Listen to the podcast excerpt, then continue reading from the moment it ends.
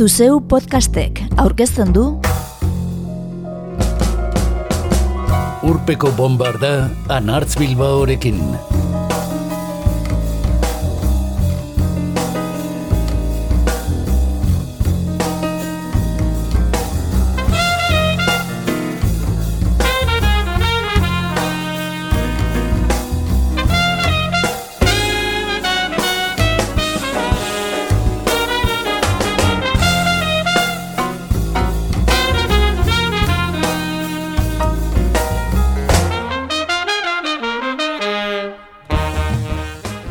Gernikako bombardaketaren laro garren urte muga izan berri dugu.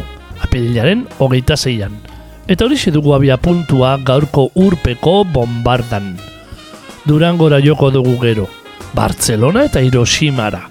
Baita Kuwait, Aleppo, Sarajevo eta Donbasera ere. Hortaz, entzule, eta imaginatuko duzunez, bombardaketei buruzko bombarda izango dugu gaurkoa. Eta entzungo ditugu, Aitor Etxebarria eta Ken Saspi. Rosalia eta Manic Street Preachers. Martxoak hogeita maika. We Are Standard. Bruce Dickinson. Sidoni. Benjamin Clementine. Repercusión eta Fermin Muguruza.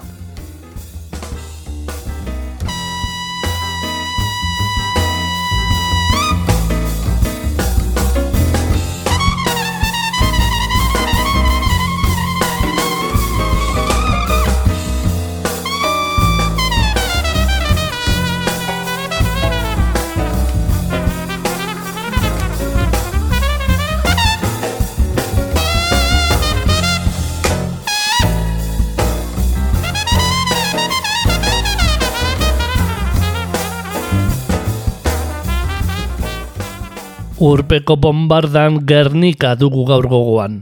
Lauro hogeita bost urte bete baitira, mila bederatzi dut hogeita mazazpiko apirilaren hogeita mazeian, fasistek bombardatu zutela. Aitor barria Gernikarra da. Mundu osoko dantzalekuetan jardundakoa, el chef A izenarekin. Disko jartzaile. Komposatzaile legez eta jada bere izenarekin, orain urte gutxi nihilism part 1 argitaratu zuen. Forbidden Colors sigilu propioan, eta Gernika larogeita bost lan sinfonikoa aurkestear da. Aparte, berak egina da markak egitasmurako musika ere. Anot mintegiaren dokumentala bombardaketaren laroigarren urte mugan aurkeztu zen. Eta Bernardo Atxagaren izen bereko lana du ardatz.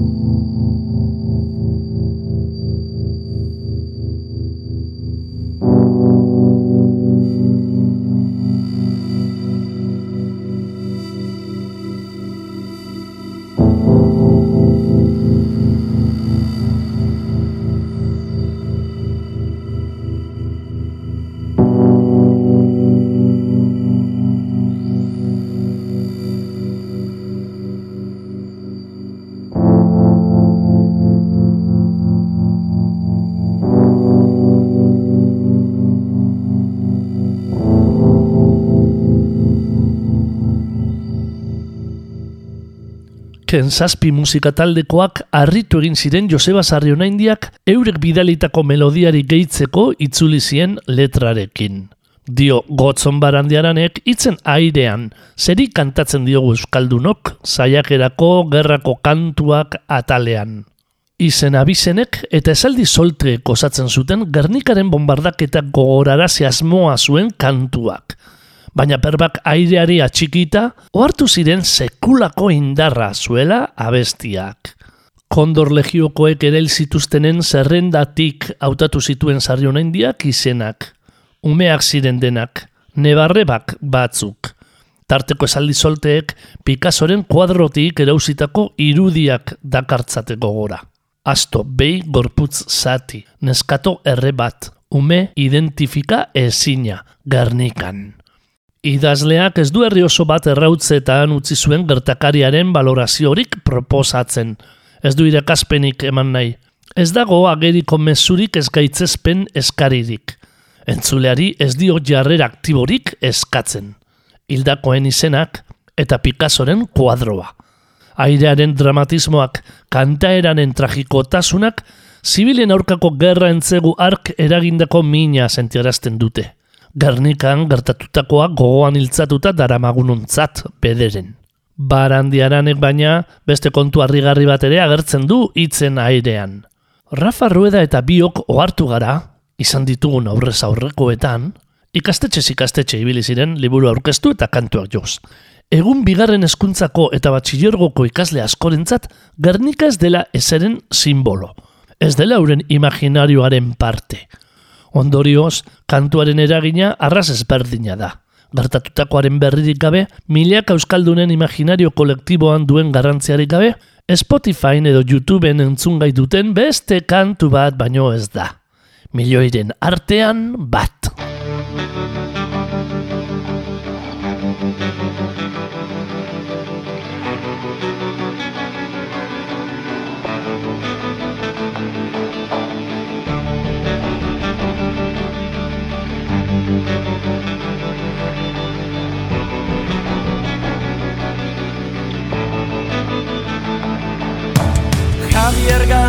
Gardoki, Josefina Solo Zabal, Aurelio Legarreta, Catalina Arrieta, Maria Luz Fierro, Agirre Dotzeanz, Francisco Araluzea, Nanena Cremada,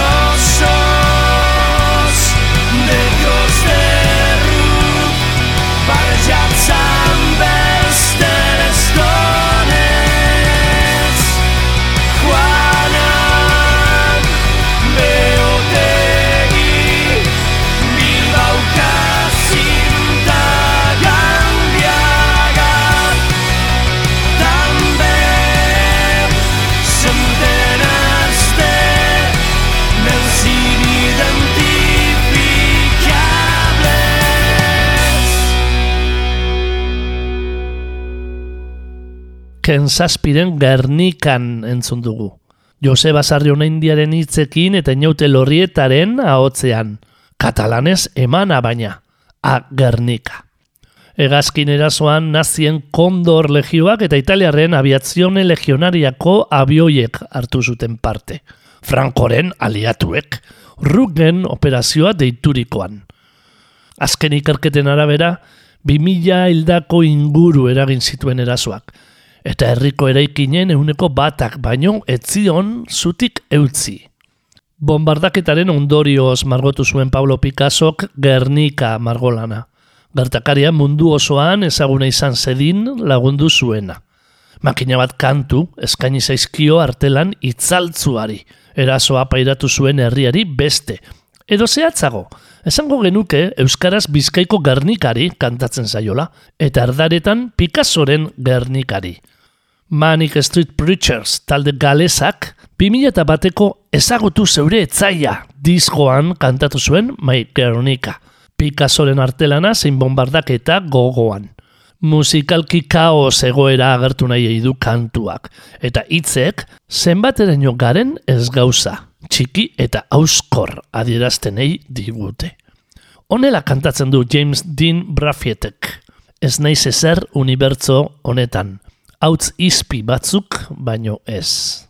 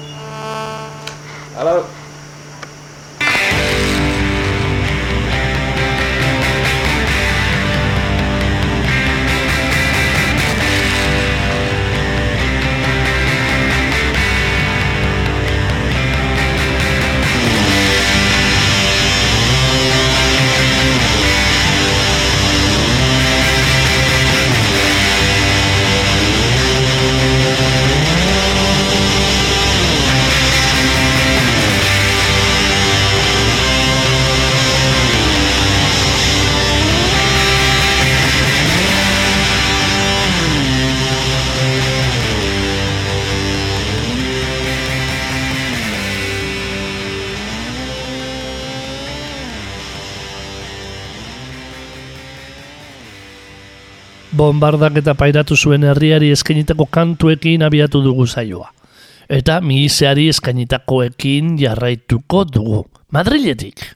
Picassoren margolanak laro gehi urte bete zituen, orain bost. Eta hori ospatu zuen Radio 3 irrati kateak.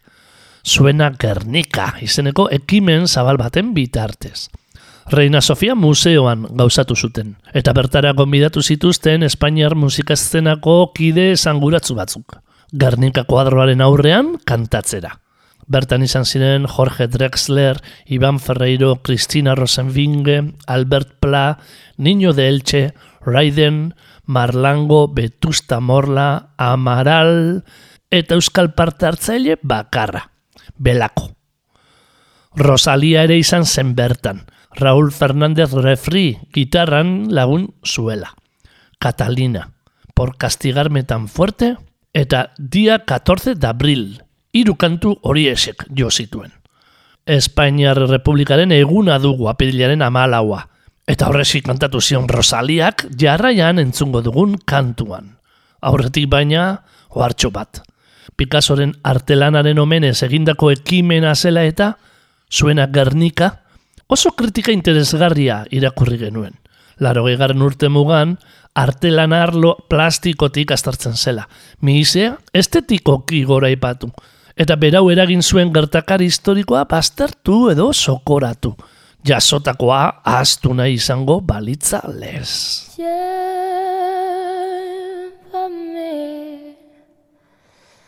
llévame por Carretero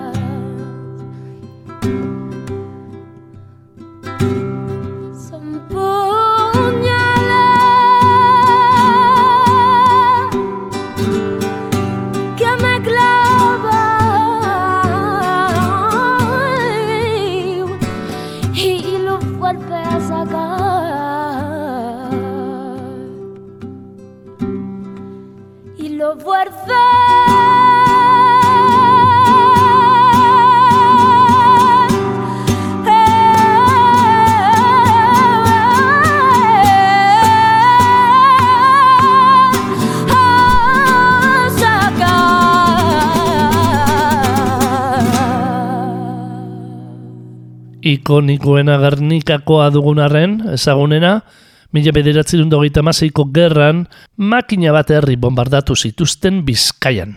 Elorrio, Larrabetzu, Markina Xemein, baita Durango ere. Azken honen bombardaketaren datak eman zion izena martxoak hogeita amaika taldeari.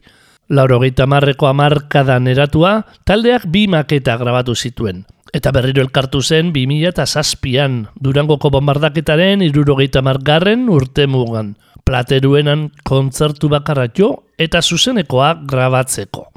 Bertatik entzungo dugu aspaldiko negu baten. Erasoaz mintzo den kantua. Martxoak hogeita maikako kide ziren batzuk, sei urte powerpop taldea eratu zuten gero. Oraindik jardunean dena. Azken diskoa, iazko kabo kainaberal dute.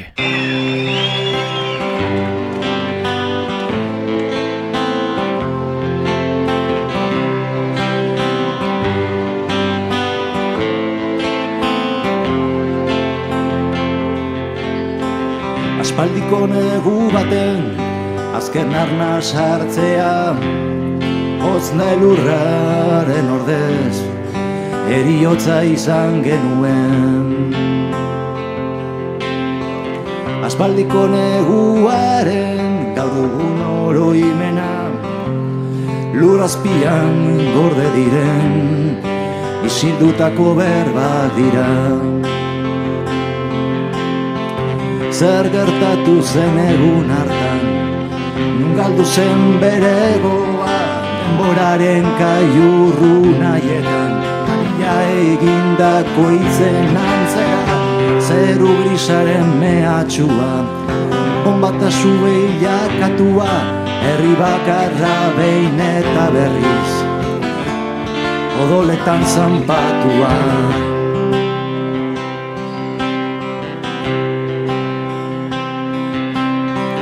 Aspaldiko negu baten azken arna sartzea Hotz da lurraren ordez eriotza izan genuen.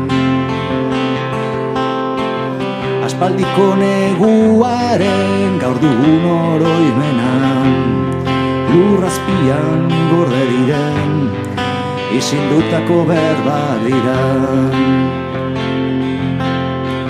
zeru grisaren amenatxua Bombetasu bilakatua Herri bakarra behin eta berriz Sugarreta oletan zanpatua Martxo zuriko azken mat Minezko garra sintua Urten joan da etorriak Isilarazi ez duen kantua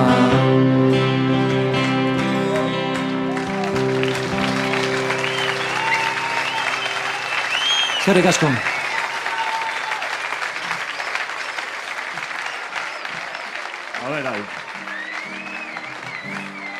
Euskal Herritik kanpora izan dira bombardaketa latzgarriak, gehiegi, eta horietako batzuei erreparatuko diegu jarraian.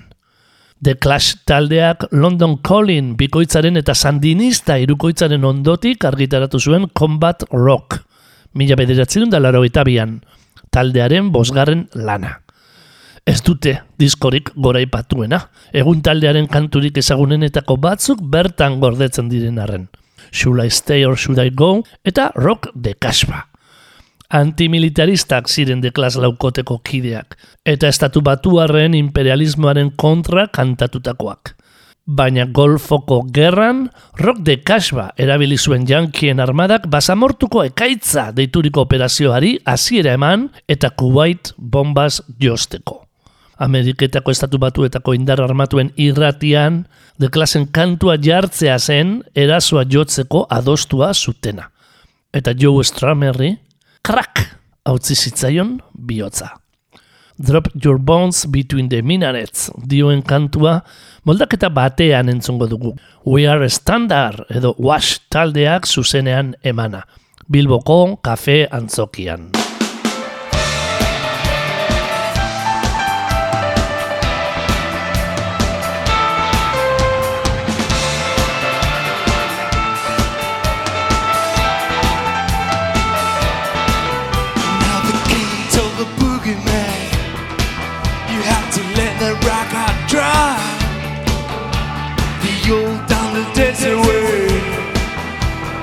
Shaking to the top. The shaking to the sky. He went cruising on the bed. Muslim was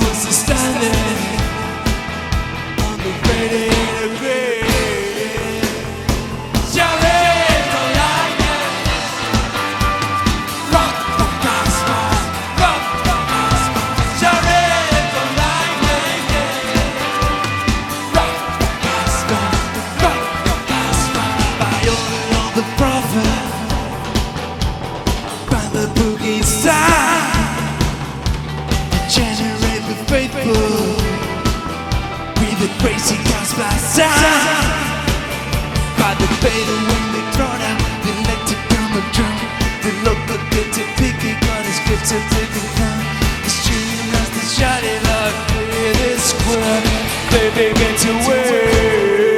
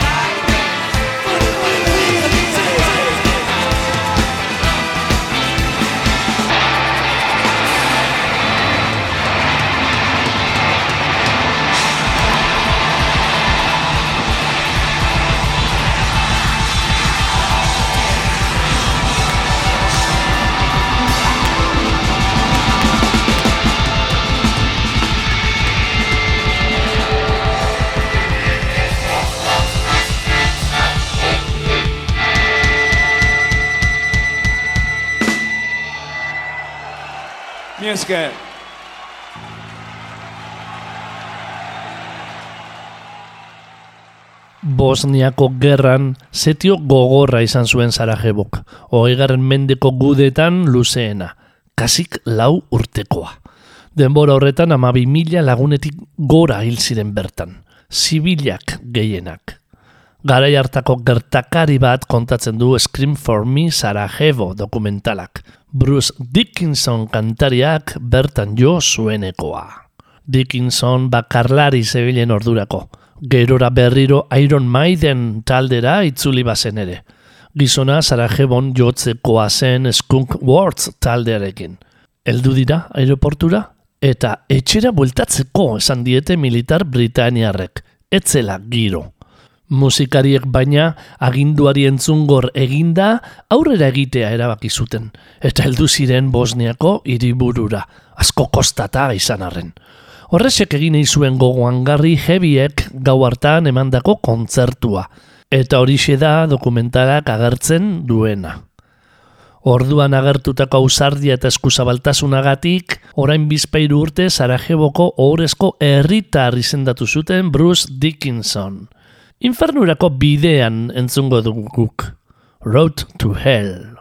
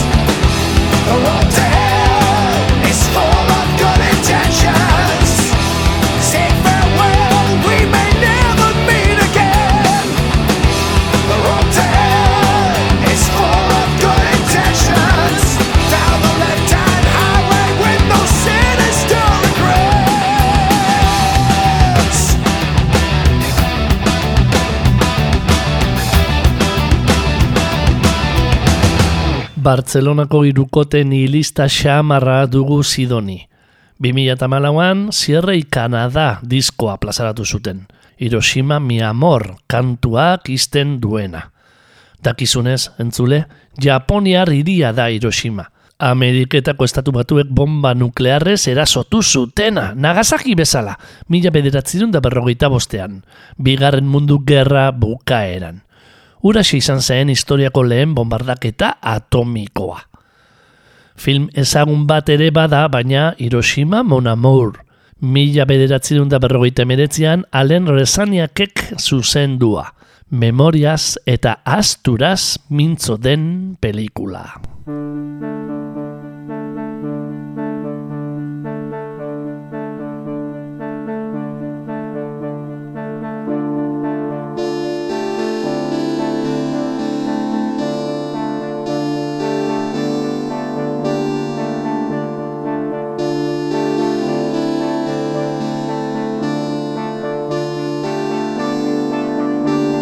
Estás debajo de él.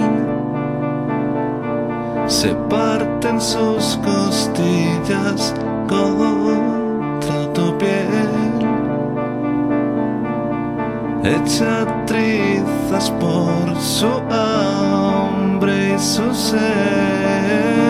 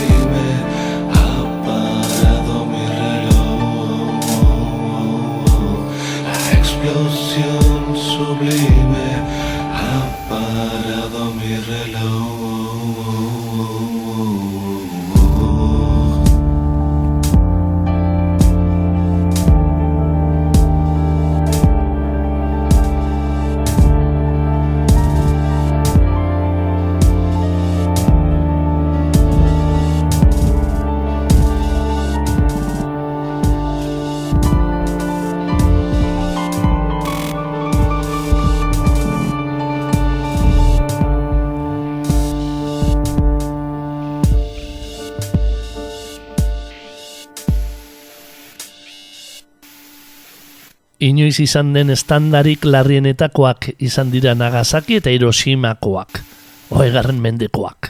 Eta azken gatazketako bat, jada hogeita bat garren mendean, Siriakoa. Donald Winnicott psikoanalistaren aburuz, ez dago eskolan edo etxean jasarpena pairatu edo gerratik iesi datozen aurren sufrimendua parekatzerik. Baina luzarora begira umeengan antzeko eragina sortzen nahi dute bi egoerek. Horrexegatik, bere txikitako bizipenak gogoan, bulinga zer den badakien Benjamin Clementainek Alepoko mamua ondu zuen. Iragan amarkadan gudak zigortuenetakoa izan den hiriaren izenarekin jokoa eginda.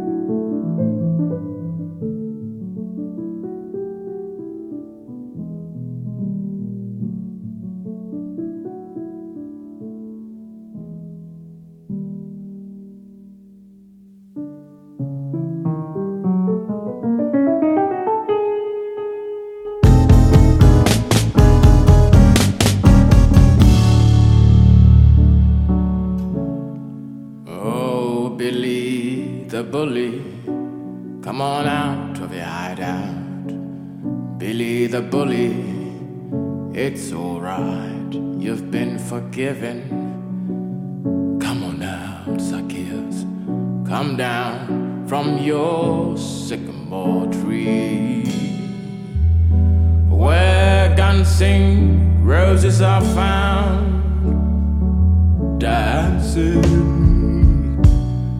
The difference between love and height was the same difference between risotto and rice pudding, and the difference between a dog and a stranger was the same difference between children and bullying.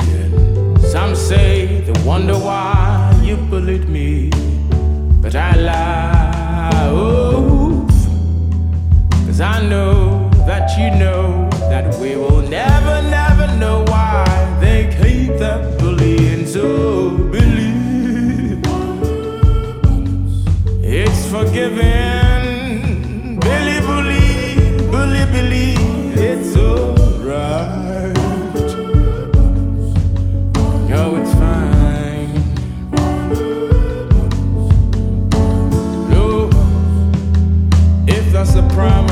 see you coming. Now, congratulations.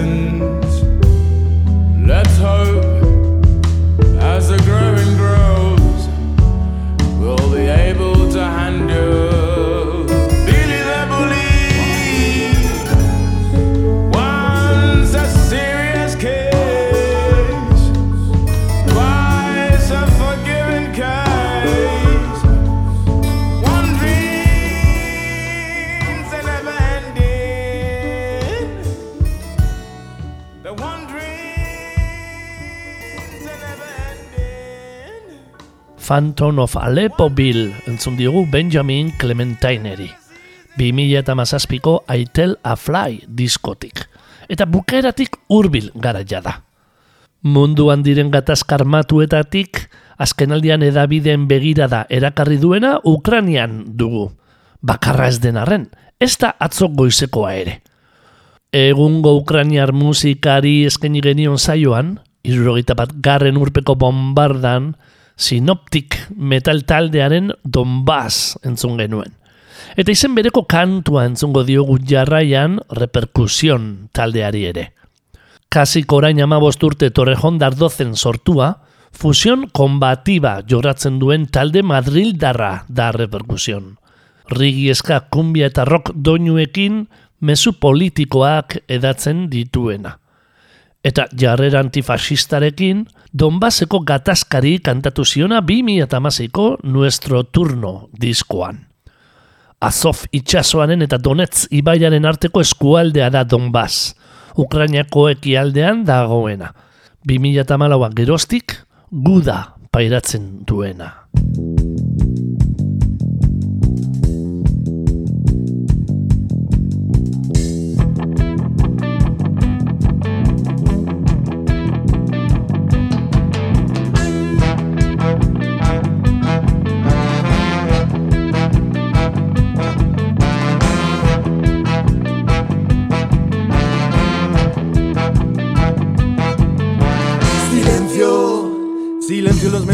Silencio en Ucrania.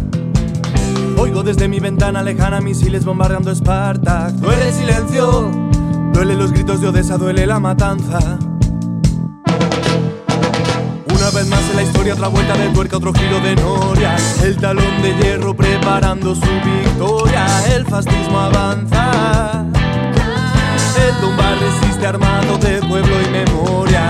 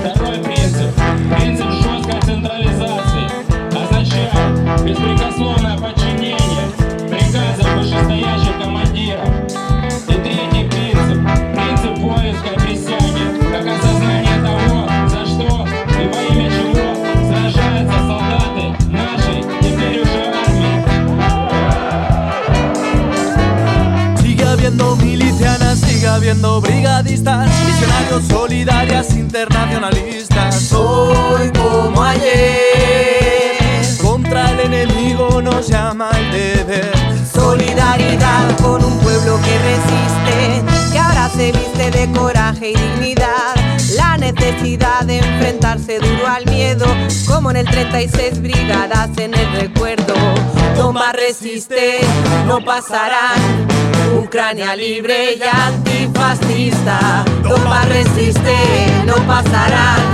Ucrania libre y antifascista.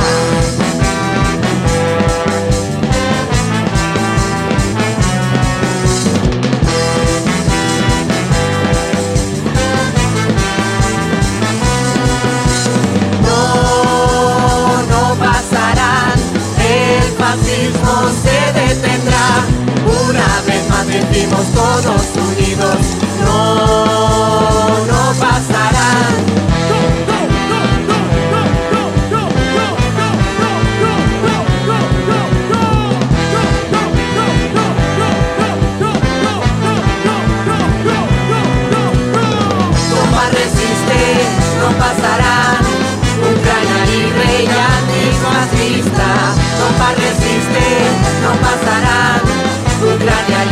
antifascista.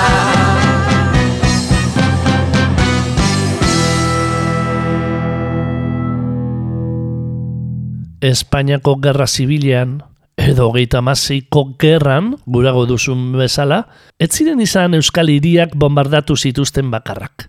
Bartzelonak berbarako hiru egunetako bombardaketak pairatu zituen mila bederatzerun hogeita mazortziko martxoan. Frankoren aldeko Italiar aviazion legionariaren eskutik beste behin. Zuntzipen izugarria eragin zuten, eta mila hildakotik gora.